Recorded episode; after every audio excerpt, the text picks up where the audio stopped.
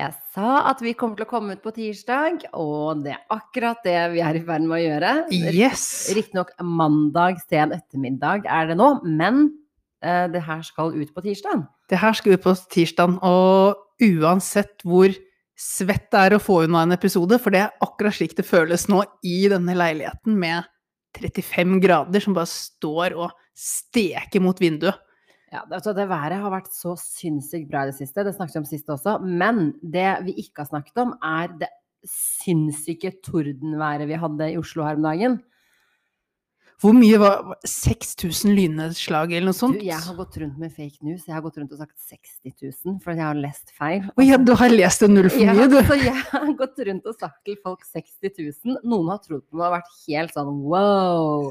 Så fake news, fake news, fake news. 6000 er helt riktig. Men det var, eh, det var jo ikke bare lyn, liksom, men det tordna noe sånn enormt. Jeg hørte bilalarmer hadde gått av. Altså det, Det det, det. Så mye braka det og vibrerte det i vegger og, og vinduer og you name it. Altså det, det var så høyt.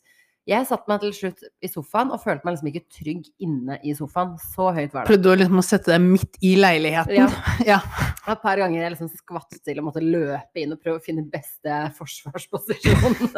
ja, for hvordan forsvarer du deg mot lyn og torden, tenker du? Jeg har ikke noe plan på det. Det er bare sånn brace yourself for impact. De sier sånn legg deg under bordet og sånn. Det gjorde jeg. Ja. Så der lå du liksom eh, tidlig natt under bordet, som en hvilken som helst annen bikkje. Og det følte meg veldig trygg. Nei, jeg gjorde ikke det. Men uh, uansett, mye, mye morsomt, spennende vær. Men uh, nok om det, for det er jo alltid det vi starter med. Uh, folk sitter jo i været og er fullstendig klar over hvor fantastisk varmt det er. Og da, da er det ekstra fint at vi alle kan være på jobb, tenker jeg. Ja. Til og med meg. Jeg er jo tilbake igjen denne uka her. Åh, Det det. Ja. Det var litt brutalt å ikke kunne dra ut på stranda eller i parken når været var sånn, men heller sette seg ned foran PC-en. Det burde ikke, som i Norge hvor det er sånn så variasjon i vær, så burde liksom lovverket vært sånn Du tar ut ferie. eh, du, kan liksom, du skal varsle dagen før, og så tar du ut ferie, fordi nå er det meldt to uker pent vær. Det skulle vært liksom på det nivået. Det er der vi burde være. Vi har jo noen litt sånn sommer, det er en del bedrifter som har sommertider og sånt, men det er liksom en time eller to. Ja, det ikke Mindre, godt nok. det hjelper er ikke. godt nok. Ikke Vi må ha flere væravhengige lovforslag, tenker jeg. Men jeg ble på hjemmekontoret i dag. Tenkte litt på om jeg skulle inn på kontoret, men så er det dette her nye Ikke påbudet, men anbefalingen om munnbind på offentlig transport i Mm. Oslo og Indre Østfold. Munnbind, ja. Ja. Det, Mm. det har ikke det har ikke vokst på tunga, holdt jeg på å si, siden sist. det har ikke vokst på tunga, og det er ikke Nei, det vokser ikke på meg. Nå, ja, nå er det anbefaling, og så har jeg funnet ut en ting. Først så ble jeg litt sånn provosert, for jeg ble sånn Åh, det er så irriterende med alle disse anbefalingene. Kan de ikke bare si at liksom nå skal dere ha det, eller ikke skal ha det? Ja. Eller sånn eh, det at Alt er anbefalt, ingenting er på en måte bestemt at vi skal eller ikke skal gjøre. Og så har jeg skjønt, da, jeg har blitt klokere siden to dager siden, at hvis de sier at dere skal gå med munnbind, så må jo de sikre at alle får munnbind. Og så må de på en måte slå ned på eh, Så det- må du ha fått det i lovverket, og de må ha noen til å opprettholde det. Så det er jo klart, den prosessen tar jo veldig lang tid. Ja, for de må jo straffe noen altså, Da må du straffe folk også hvis de ikke gjør det. ikke sant? Så, så de, de er rett og slett ikke der at de kan si 'dere må'. Eh, ref alle anbefalingene, ingen, eller ytterst få måer, eh, for å si det sånn. Så, så nå har jeg lært mer, nå er jeg litt mindre sint på politikerne, og nå tar jeg alle anbefalingene eh, alvorlig. Så du har gått til anskaffelse av munnbind nå? Jeg har skaffet meg tøymunnbind. Ah, du skal gå for sånn Zorro-look. Ja, jeg, jeg tenker det er altså Hvis jeg må leve med det, så får jeg i hvert fall at det ser noenlunde ut, da. Litt sånn. Ja. Ja. Og, og det er ikke utsolgt, og folk trenger ikke å hamstre, for det, det husker jeg han eh, helseministeren sa. Vær så snill, ikke kjøp munnbind hvis ikke du er da i de byene som krever det. Eller så tror Nei. du skal reise inn og ut av de byene. Tror du ikke folk har begynt å hamstre? Det er helt unødvendig. Det er masse munnbind overalt. Og folk flest trenger det faktisk ikke. Nei. Nei, det er de som tar kollektivt, som er ytterst få i disse dager. Og det er hvis det blir trangt, og hvis det er liksom voldsomt med mennesker. Ja, Som det heller ikke er så mye av i dag. Og så sier du at munnbind det hjelper typ sånn 40% altså redusere risikoen 40 Mm. for å bli smittet. Det å holde én meters avstand reduserer med 80% Så har man fortsatt muligheten til å gå til jobb, eller som du har gjort nå, Irma, fiksa opp sykkelen og sykle til jobb, så er jo det fortsatt langt bedre enn Ja. å stille seg inne på en uh, trang liksom. Ja, Men det stussa veldig på den pressekonferansen, og det her er litt sånn kritikk til eh, Nå har jeg sett på masse pressekonferanser, riktignok fra Donald Duck, eh, først og fremst.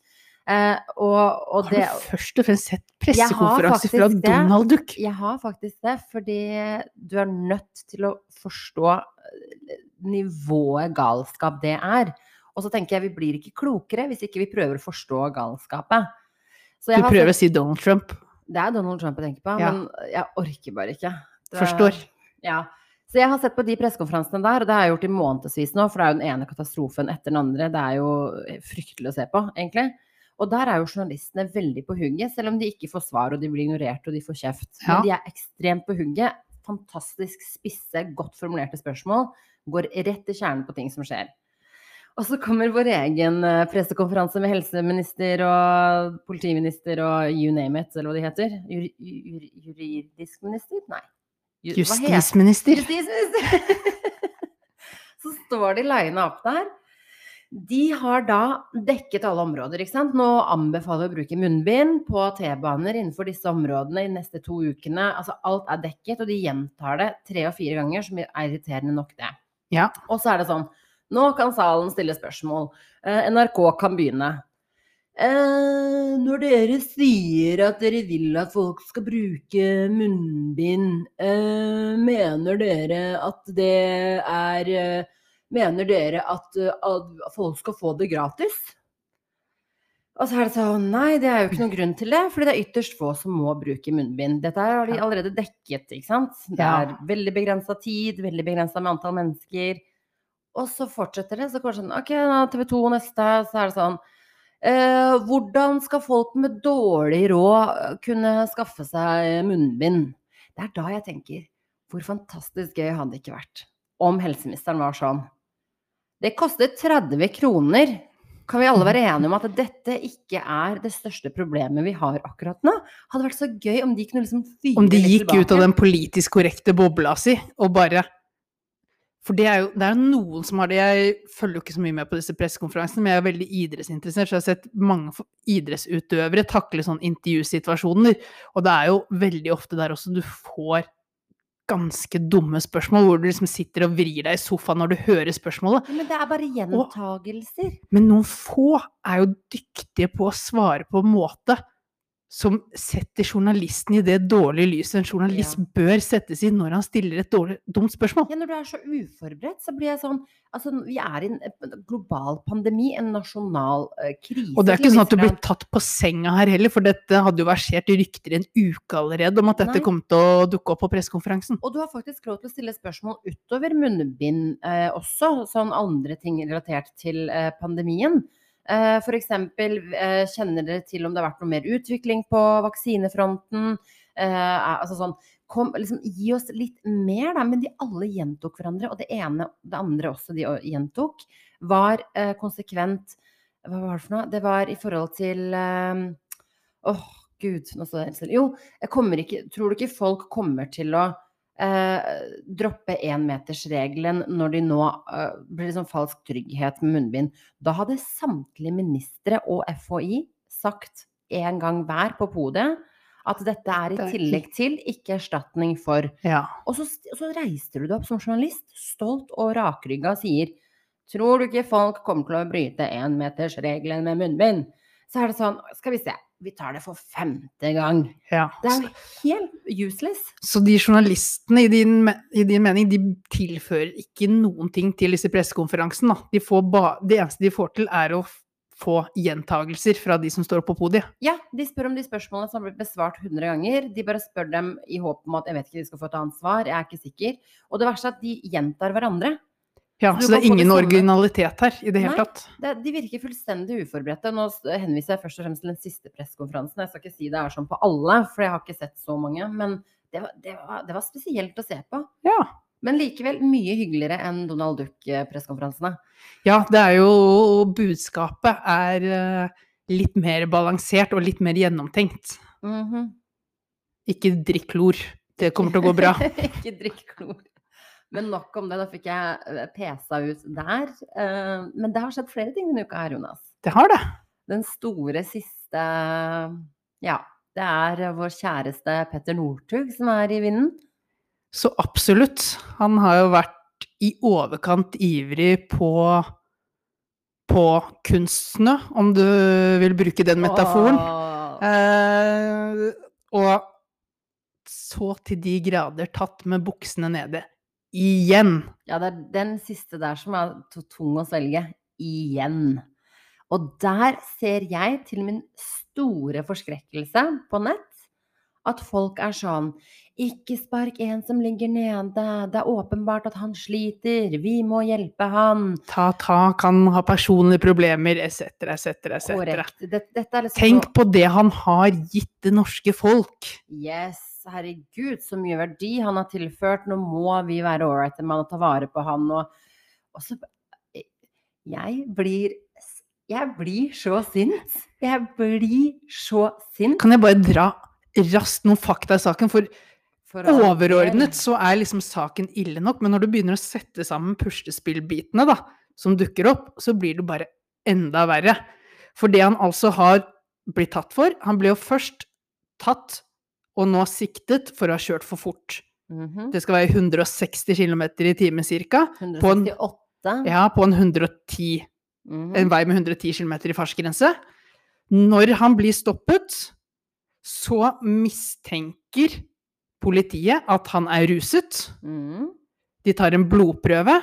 Han er nå siktet for å kjøre i påvirket tilstand. Og de er jo da såpass Altså, de må føle seg ganske trygge, eller de må få ha en kommunikasjon med Northug som gjør at de føler seg veldig sikre på at her er det rusmidler involvert. For de ender opp med å reise til hans leilighet i Oslo, ransake den, og finner der kokain. Det er jo Northug selv innrømmet. Ja. Og dette her skjer altså på vei hjem fra en sommerskiskole for ungdom oppe på Elverum, tror jeg det var. Ja. Og da har du Da har du liksom Du har Det er jo ikke direkte fra fest. Dette her er jo tydeligvis utartet seg til å være et misbruk, når du på en måte kommer ut fra denne skiskolen og slik som saken virker til å være, da, tar narkotika, setter deg i bilen, råkjører. hjem. Og dette rett etter at du har fått tilbake lappen, etter at du da som tidl altså tidligere har kjørt i alkoholpåvirket tilstand, avgitt først falsk forklaring til politiet. Du har jo sagt at det egentlig var kompisen som satt i passasjersetet, som eh, kjørte bilen. Så lagt seg helt flat, fått en dom, tatt dommen, gjenoppstått som skiløper, vunnet mange VM-gull i Falun, vunnet tilbake folket. Og så bygde opp tilliten igjen, og så gjør du altså dette her. Det, du glemte å si at den første dommen han fikk, den sona han med fotlenke. Ja, Så det vil si, han har aldri sett innsiden av et fengsel, f.eks. det har han ikke. Nei. Så eh, det, dette her er, det her er så viktig å diskutere. Dette her går liksom i kjernen på hvem vi er som folk. Det ene utelukker ikke det andre. Det er ikke sånn at hvis man opplever Jeg personlig tenker det er ikke synd på han et eneste sekund. Dette er en mann som har hatt alle ressursene i verden eh, for sine føtter. Han har hatt så mye penger at de kan klare å vite hva han skal gjøre med dem. Han har hatt berømmelse. Han har også mistet berømmelse og på en måte vært litt mer eh, jovial. Han har, Og- fått, han har fått den nedturen, han har kjent på hvordan det er. Men den nedturen Det er er ikke så kult. ille. For sånn som i Norge, så er det jo ikke sånn Når du går fra kjendis til ikke-kjendis, så er det voldsom overgang. Det, vi snakker ikke om en global superstar. Så han har hatt alt som ingen andre har. Og så skal man bruke unnskyldningen at vi må ikke sparke han mens han er nede. Du skal ikke sparke han mens han er nede, men du skal for, for guds skyld gå ut og se at dette her er noe av det jævligste, mest arrogante et menneske kan gjøre. Og det er å sette seg selv i en situasjon hvor du er så uansvarlig at du er i stand, velvitende i stand, til å ta livet av mange mennesker. Ja, for det er akkurat den delen her som jeg syns er her de som sier det du sier, da. Vi må ta vare på fyren, åpa personlige problemer. Jeg sier ikke det, jeg bare siterer. Nei, jeg siterer, nei, du Ja. siterer de som sier det. Det er der jeg føler de har mistet helt, da. For hadde han kun blitt tatt med narkotika hjemme, Mm. da kunne man vært på den linja der ok, Petter Northug er tatt med narkotika. Kjipt. Men idet han begynner å sette seg inn i en bil, idet han begynner å skape trøbbel for andre, setter andre folks liv i fare Igjen. Det er, Igjen! det er det som er problemet mitt. Du Og har det- blitt dømt. Altså, du satt folk i fare en gang tidligere hvor du tenker at nå har du lært, fordi nå har du kjent på skrekken av at vi kunne dødd, eller noen andre kunne dødd. Og så, og så bare reiser du deg vekk opp fra det, og så er du sånn Du er litt uovervinnelig, litt arrogant, litt sånn Du føler deg ovenpå. Og reglene gjelder ikke for deg, for du tror selv at du har en standing i samfunnet som er så sterk, siden du slapp så billig unna første gangen, Yes. at du, det er ingen som kan ta deg. Det Så du er den skaffer deg en-. Så du skaffer deg en helt unik Jaguar, og så råkjører du i narkorus Mm. hjem fra en skicamp. Og det som er ekstra, det som jeg liksom føler på at er ekstra provoserende nå, er jo at det han gjør nå, er jo å sette folk som ferdes på veiene, deres liv, i fare. Mhm. Det er det store problemet. Dette er jo en fyr. Han er jo langrennsløper, men i store deler av året så er det jo ikke snø å gå på. Mm. Så han har jo gått på rulleski. Mm. Han har lansert brillemerket eh, Eyewear by Northug. Vært inn Gi han reklame på den store Nei, plattformen disse, nei, disse 40 stykkene her, glem at dere hørte det, ikke kjøp brillene hans. Eh, han, har vært, han har samarbeidet nå, med, gjennom brillemerket sitt, med et sykkellag. UnoX. Han har samarbeidet med Norges Skiforbund, diverse langrennsløpere. Altså, dette her er folk som har veien som kontor. Hver eneste dag. Altså, alle han omgir seg med, alle, alle de miljøene han har vært en del av, er jo de som er myke trafikanter, som er i absolutt størst risiko for å bli skadet når noen utfører disse handlingene.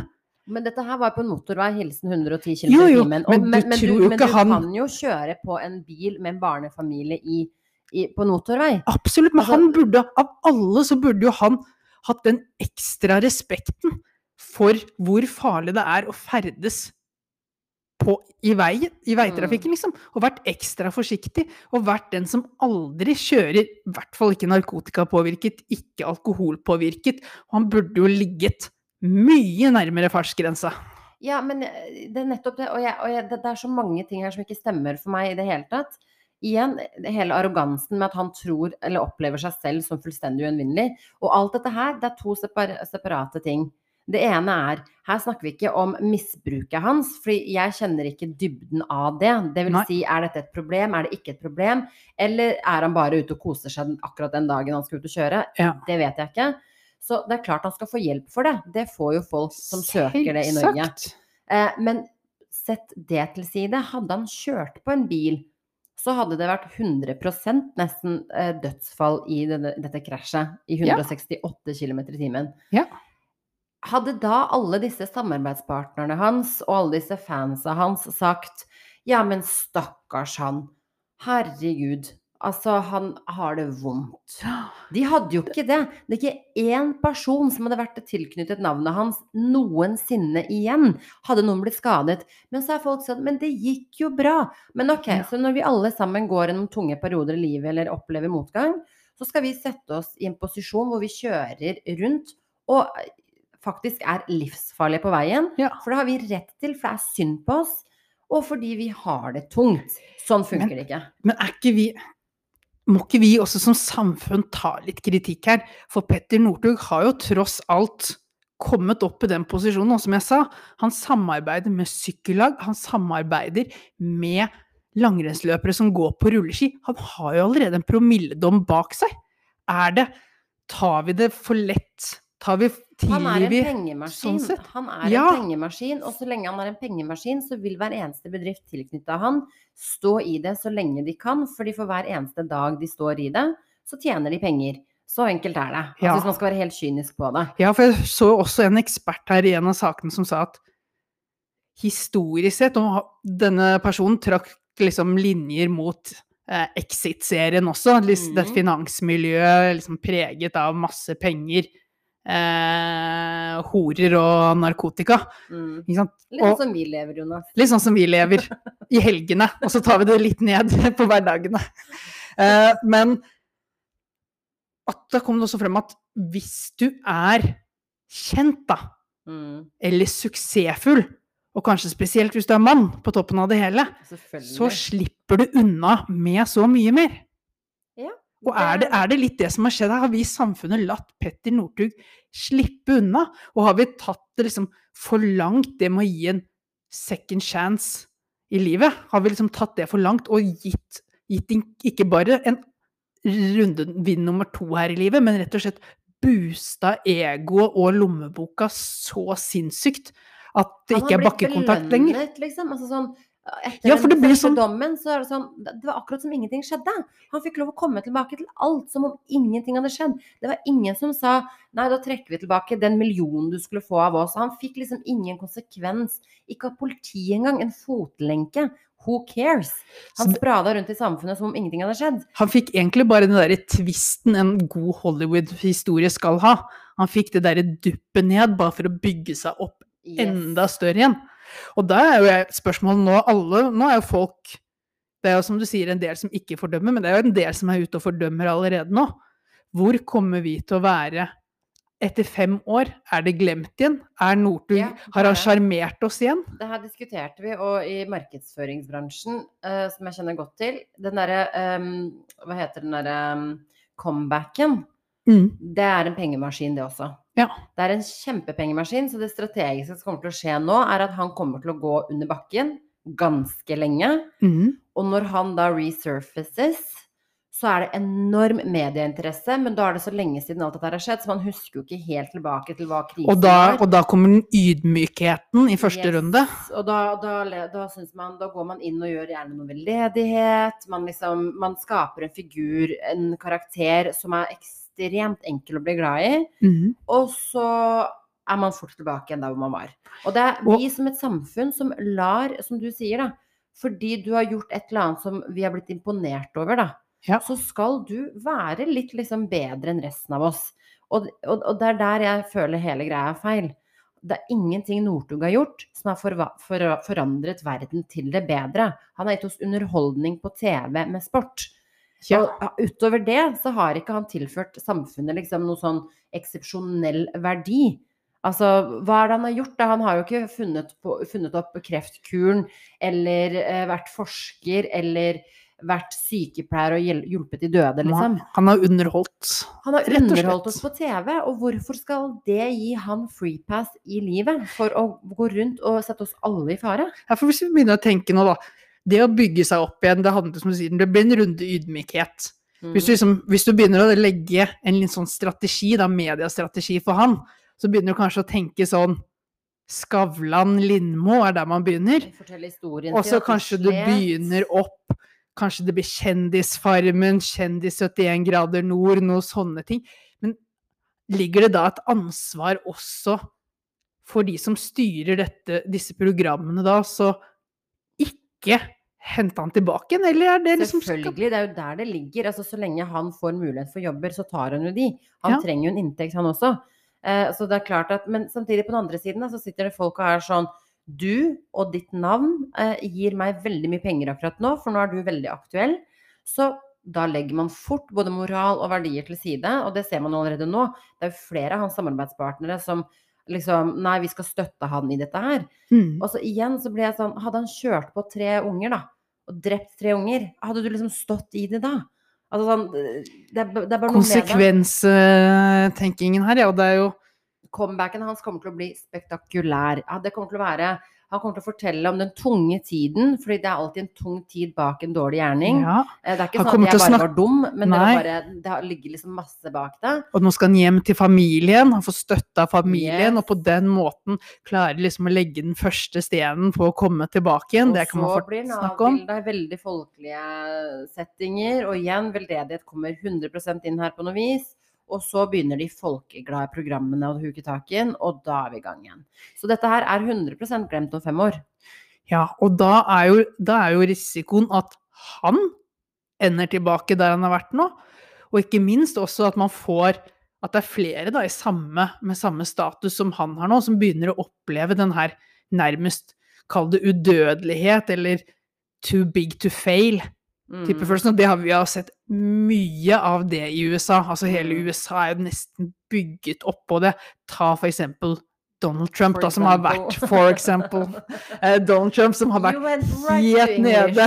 Yes. It's, uh, it's day, okay. Eh, og den kulturen her kommer jo over til Norge nå. Og det er jo rett og slett Og det er den herre I mitt hode så er det her misforstått tilgivelse. Ja. For det er sånn Ja, vi skal være åpne, vi skal ta mot armer. Men det er klart, Petter, vi skal ikke slå hånda av Petter Northug totalt sett. Altså, han skal få sone sin straff, og så skal han få en sånn fair sjanse, men da får han begynne som Ola Nordmann, da. Han får ikke, han, da får han ikke begynne, da får han ikke komme på disse programmene, han får ikke TV-tid, han får ikke ti, plass i aviser og alt dette her, nettopp fordi han har gjort noe bra tidligere. Da er det jo faktisk litt opp til disse i media, disse i, eh, da, i industrien, som kan tjene penger på, penger på han, og takke nei, da. Og takke nei til de Money enkle talks, pengene. Money talks. Og for å nevne en person til da, som har blitt kalt dopvrak nærmest i månedsvis og årevis nå, eh, det er jo Johaug. Ja. Som sammenlignet med Petter, da, så er jo det hun har drevet med peanuts.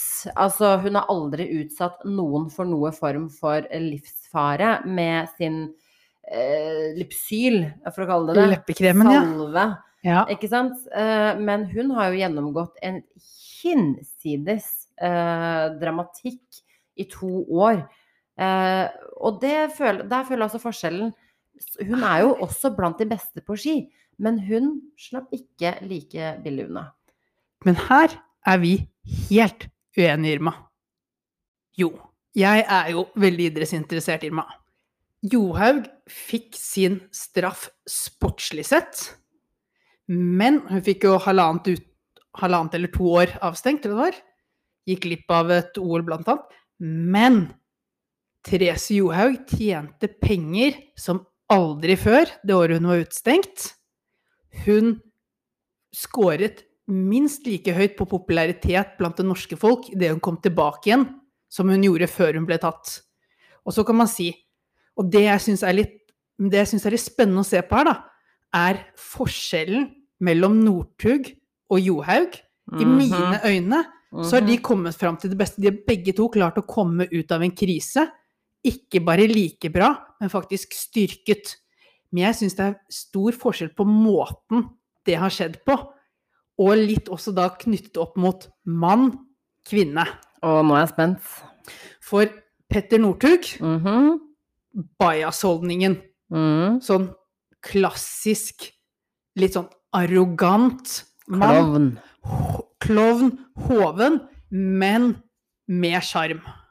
Det kommer an på øyet som ser. Ja, det kommer an på øyet, men hvis du skal ta snittet av den norske befolkning, så vil nok de si at Northug scorer høyt på sjarm. Og det er utelukkende fordi han har vunnet gull for Norge. Yes. Og dermed, ikke sant Han brukte da denne her liksom klassisk mann.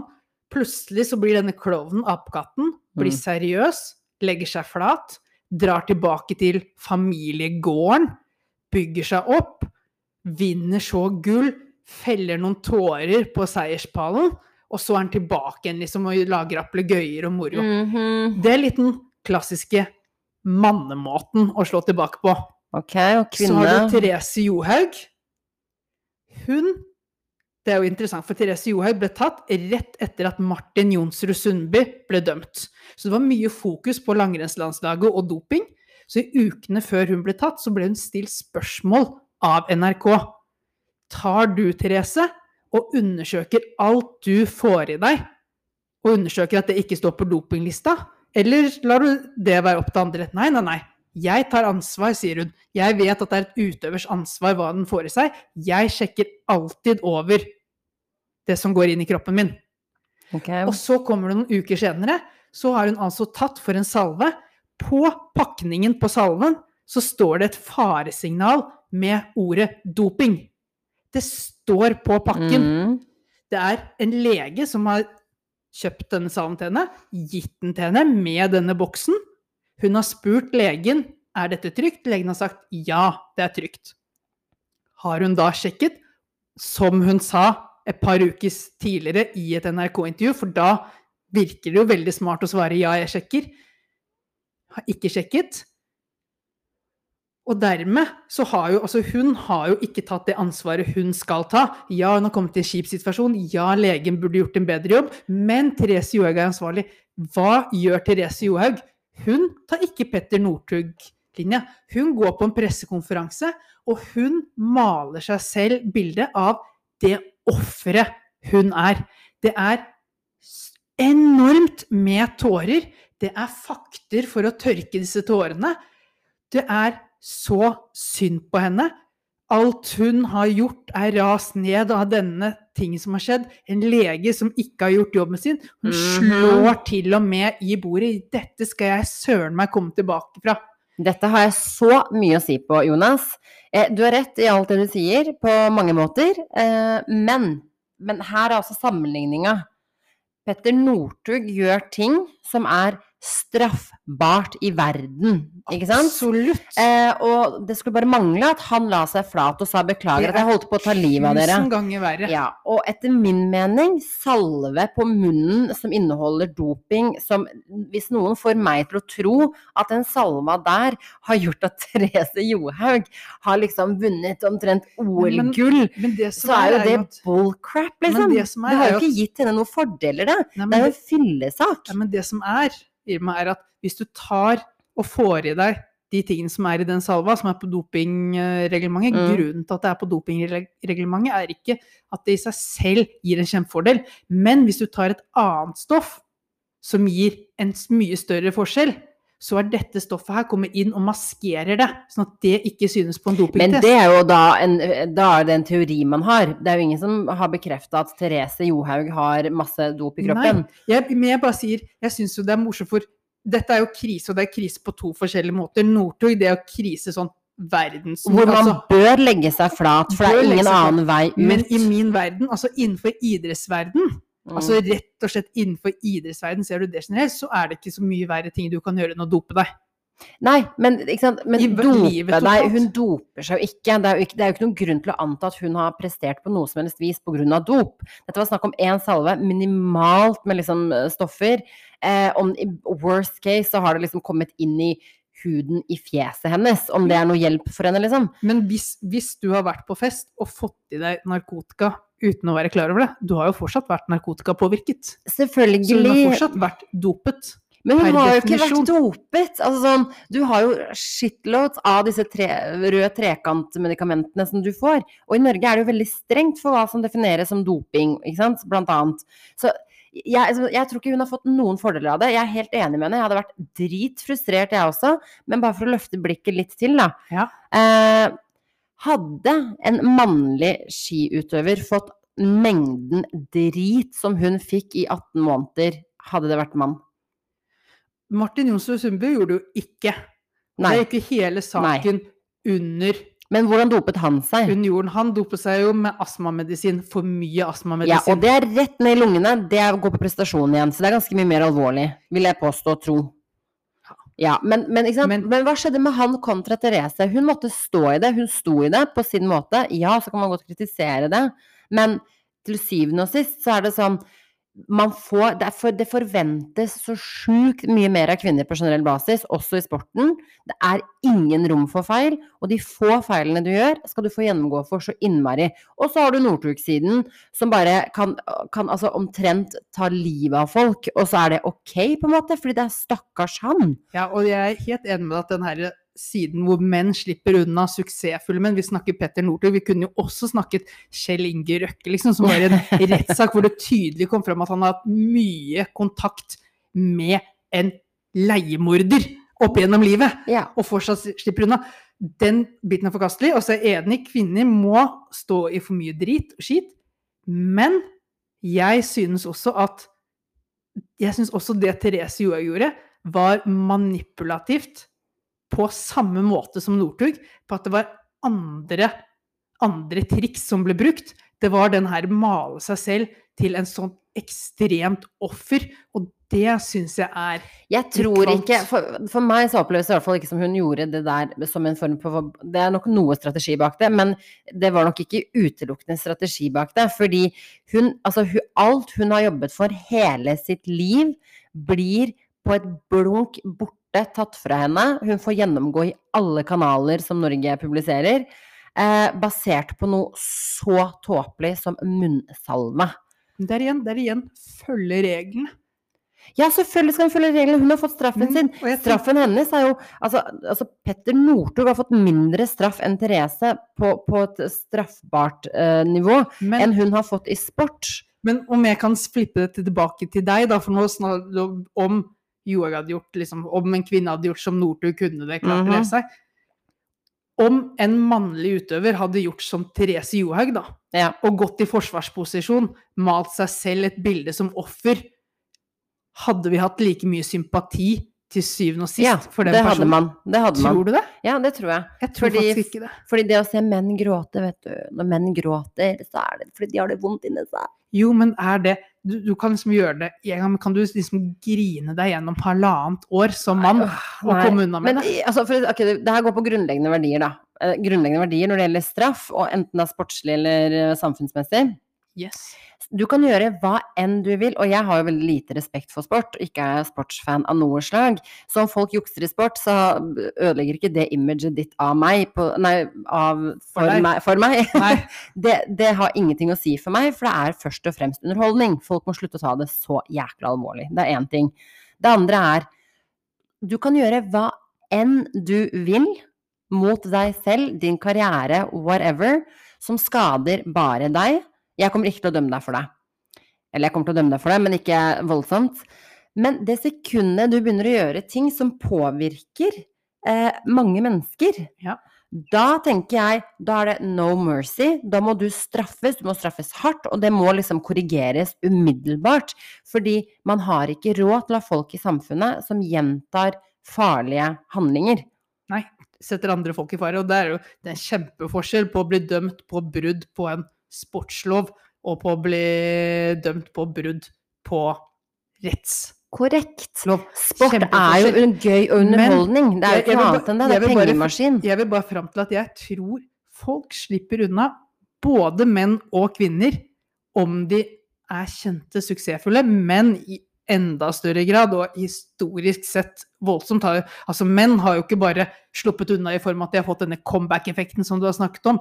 Når vi ser metoo og alt annet som kommer opp, så har jo menn sluppet unna ved at de aldri har blitt tatt tak i det de har gjort gærent i første. De blir ikke korrigert. De lærer seg ikke at det er feil. Nei. Og det er problemet. Og da blir det gjentagende atferd som gjør at i dag så er aller flest folk i fengsel er jo menn. Og fortsatt har vi ikke plass til alle som egentlig burde vært i fengsel, ref. fotlenker og alt annet. Og det er jo fordi man lar Dessverre, tror jeg, da, det er en ren hypotese, man lar gjerne menn først og fremst, og så ikke minst suksessfulle menn, slippe unna og gjenta og gjenta og gjenta lovbruddene sine.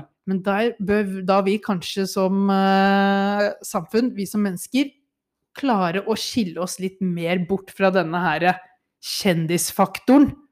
Eh, og klare liksom å skille det bort. For det er så ofte liksom disse kjendisene, eller spesielt idrettsutøvere, får dette her er jo så stort forbilde. Mm. Og de får et stort forbilde basert på hva de presterer innenfor sin idrett, eller hva de presterer innenfor musikk eller eh, skuespill etc. etc. Vet du hva? Nå skal du være et forbilde, så må det liksom romme hele personligheten. Mm. Det er der jeg også tenker liksom at som du sier, altså der innenfor idrett så har du et veldig fint syn i og med at du ikke bryr deg om idrett. Du ser helt bort fra det. Og jeg har jo som idrett, jeg har fått lov til å komme litt tett inn på den idretten jeg er aller mest glad i, mm. altså sykkel. Og når du kom inn på den, og du begynte da begynte å bli litt kjent med folk, du fikk lov til å være intervjuer da, i en intervjusetning, se da hvordan noen behandlet en enkel eh, deltidsjournalist som meg. Noen behandlet liksom helt fantastisk, tok seg tid, vi var på samme nivå som mennesker. Mm. Andre hadde allerede midt i karrieren opphøyd seg selv til et helt annet nivå. Og mitt syn på dem gikk liksom fra å være 'dette er en helt', Mm. som jeg har høye tanker om, til at denne personen her er under snittet ålreit. Vi kan konkludere med at alle er vi mennesker. Vi må slutte å gi free passes til kjendiser. Og vi håper Northug, hva enn som foregår, eh, får det bra. Men eh, vi, vi håper han blir straffet akkurat sånn som enhver av oss hadde blitt. På alle mulige måter. Og nå har vi snakket om Northug ganske lenge. Ja, og, du, og nå er det veldig fint du ha sagt det der 'vi er alle mennesker', og det er en litt sånn fin overgang til Oi! Ordtaksspalten vår. Ah! Nå er vi der igjen. Ja, for denne uka her har jo du Vi har gjort den litt annerledes nå. Det er ikke jeg som har funnet et ordtak, og så skal jeg teste ut deg. Det er du som sa 'Jonas'. Det er et ordtak, eller noe som er sagt, som jeg virkelig ikke forstår noen ting av. Ja. Altså, jeg tenker, altså er jeg. Jeg tenker derfor eller altså er jeg. D- eh, Ikke sant? Det er ikke så mye dybde i sjela mi, så det kan godt hende det er derfor jeg ikke forstår det. Men for meg så er det for det første en dårlig setning. For det andre så forstår jeg faktisk ikke umiddelbart Jeg har jo hørt det, men jeg aner ikke hva det egentlig sier. Dette her er jo René Descartes som sa. På latin tok han det, han tok det ikke på norsk. Mhm, Det er derfor det er sånn direkte oversatt Google Translate har noen brukt. Cogito ergo sum. Jeg tenker, altså er jeg.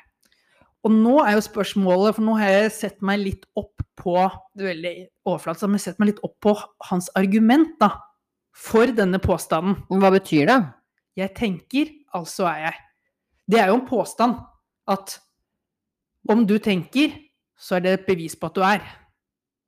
Jeg tenker, altså er jeg. Vet du hva jeg trodde det var?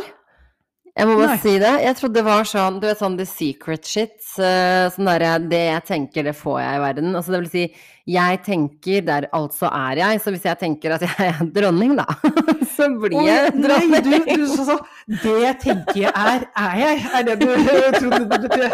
Jeg, jeg, skjønner, jeg skjønner ingenting av det der. Men det her er jo hele livsfilosofien din. Det er Ja. det det er basert på. Men åpenbart ikke, da, siden det betyr noe helt annet. Altså, Descartes' utgangspunkt her var jo at man skal tvile på absolutt alt her i samfunnet. Som vi gjør. Sett spørsmål, Som vi gjør. tvil, yes, som vi skal. Men er det, når du begynner å tvile på ting da, Mhm. rundt om, er det rasjonelt da å tvile på din egen eksistens? Nei. Nei. Og det, og det, men det, er det, så det er det som var hans argument, at dersom en demon da forsøker å få deg til å tenke Du mista meg på en demon. men altså, Hvis han prøver å få deg til å tenke 'eksisterer du?' og Ja. du tenker Altså om det er aktivitet her, om du klarer å en, i det minste klarer å filosofere rundt din egen eksistens, så er det et bevis på at du eksisterer. Det er kanskje det dummeste ordtaket hittil. Det er derfor det ikke blir brukt så mye, vet du. Hvis jeg tenker på min egen eksistens, så er det et bevis på at jeg eksisterer. Ja, Hva med at jeg er- slår tåa i, i listen på vei inn på badet? Det er også et bevis på at jeg eksisterer, for det er et helvetes vondt. Altså, det er ganske mange ting som er bevis på at jeg eksisterer. Altså, jeg får vondt, altså er jeg, mener du hadde vært en eh, like god setning. Når jeg Jeg har smertes, altså er jeg. Når jeg smertes, er jeg. Den kunne funka. Ja, for han tenker da at er du i overhodet Men hvor ofte har du sittet og tenkt uh, 'min eksistens', 'jeg er', 'jeg fins'? Men har du aldri Jeg har jo vært Jeg har vært den der tanken For jeg synes jo det er Hva er meninga med livet? Det er ikke den vi er inne på Nei, nei, men det er sånn Tenk Har du aldri tenkt Hva om alt dette her som jeg opplever som livet, egentlig er en drøm? For når jeg drømmer, når jeg drømmer så drømmer jeg jo historier som jeg der og da tror er ekte. og så våkner jeg. Og så føles det ut som at en drøm Det er en helsikes lang drøm i så fall, da. Ja, men en, du kan jo drømme masse i løpet av natt, føle at du liksom har levd gjennom en lang historie, og så har du egentlig bare sovet et par timer. Så hva om dette egentlig bare er en evig lang drøm? Har du aldri tenkt Hvis dette den tanken? er en drøm, og bare en drøm, eh, så tenker jeg da det jeg sagt opp jobben min og flytta til Bahamas og ligger på en strand. Eh, Men nei, jeg har ikke tenkt det, fordi det føles jo ekstremt reelt, da. Jeg får vondt, og jeg blir sulten. Men føles det ikke reelt? Jeg har til og med jeg har til og med en gang i mitt liv hatt et mareritt, og så har jeg tenkt i marerittet jeg må klype meg selv i armen for å se om dette er et mareritt eller ikke. Og så i drømmen kløp jeg meg selv i armen og fikk vondt! Og da ble jeg vettskremt, for da var jeg helt Men da overbevist kan det hende du, det kan jo hende du kløp deg selv også mens du sov, Ja. i virkeligheten. Men forstå, er mer logisk, på ja, men i, i drømmen min da, så var jeg helt overbevist om at dette var ekte, nettopp pga. at jeg hadde tatt denne kontrollsjekken man skal ta. Men jeg kan ikke be meg selv gjøre ting i drømmen. Jeg får ikke gjort noe. Jeg bare, jeg bare ser meg selv fra utsida inn, liksom. Ja, men er ikke dette også Noen vil jo si at du er en ganske ukontrollerbar sjel. Nå skal du gå så dypt inn i dette. Altså, Hvem er det som sier at ikke du bare er en, en figur i en drøm? Som ingen kan styre? Nei, altså, nei dette ble meget, for meget for meg. Ja, Eh, hvis du kjøper inn på, hvis du lar denne 'jeg tenker, altså er jeg', så har du nå mulighet til å filosofere over din egen eksistens. Men med tanke på at og jeg konkludere med at du eksisterer av at du gjør det. Jo, men med tanke på at jeg aldri da har uh, tenkt på min egen eksistens, så vil det si at jeg ikke er. Ikke før du begynner nå.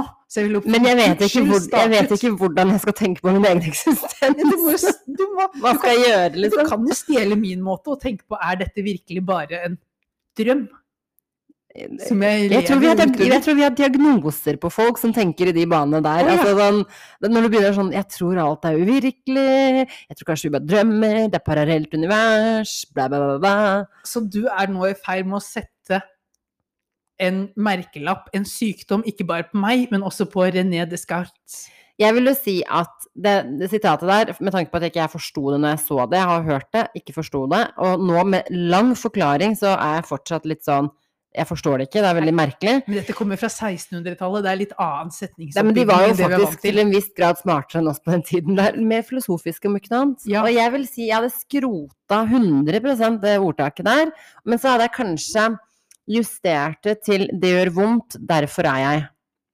Ja, for du bygger det jo selv, du eksistens rundt smerte. Ja, men du kløyp deg selv for å se om du fikk vondt. Ja. For å vite om det var drøm eller ikke. Og jeg Man, får man har jo vonder eh, støtt og stadig. Vil, vil du da, føler du da at du eksisterer mer når du har vondt, enn når du ikke har det? Nei, for jeg føler aldri at jeg ikke eksisterer. Det er merkelig. Jeg har aldri tenkt på at jeg ikke eksisterer. Ikke på søndager engang. En tung, blytung søndag hvor du ikke er, er i din egen kropp. Når du sier det sånn, så eksisterer jeg Ja, det er dager jeg Eksisterer eksisterer. seks av sju dager i uka. Da. Ja, det er hviledag på søndag, for å si det mildt.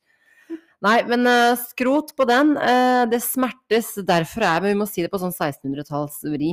Skal, vi må finne den uh, latinske oversettelsen til neste uke. Du, derfor er du, derfor er jeg derfor, Og så kan du skrive under Irma 2020. Irma. Jacobsen 2020. Så da er det bare å oppfordre våre lyttere, hvis du har en dag hvor du ikke føler helt at din eksistens betyr noe, eller at du i det hele tatt eksisterer, spark tå i sofaen. Ja, så slå deg selv. Nå skal du merke hvor mye du eksisterer. Å gud, nå er det varmt her. Skal vi call it? La oss gjøre det.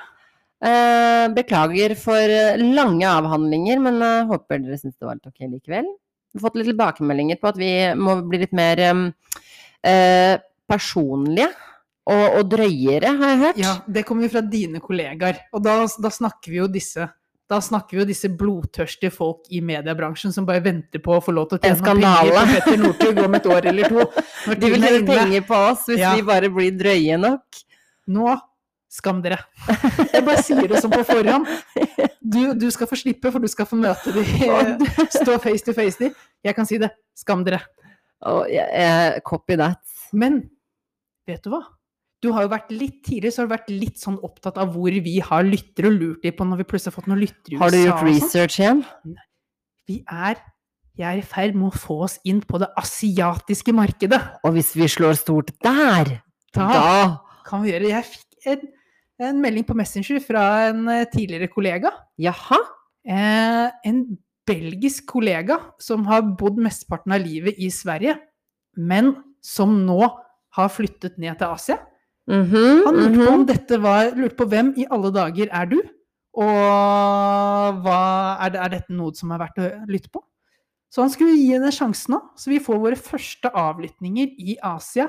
Jonas, dette er vår breakthrough. Dette er vår Jeg skulle til å si comeback, men vi har ikke hatt noe back, så vi kan ikke comeback. Nei, så, så, så jeg tar og foreslår at du nå fram til neste uke leser deg opp på litt vietnamesiske, japanske, Can kinesiske it- nyheter. Can we take it in English, please? Then we have to make this international, right? Of course. Yes, it, we, it, it has to happen, you know? It has to happen.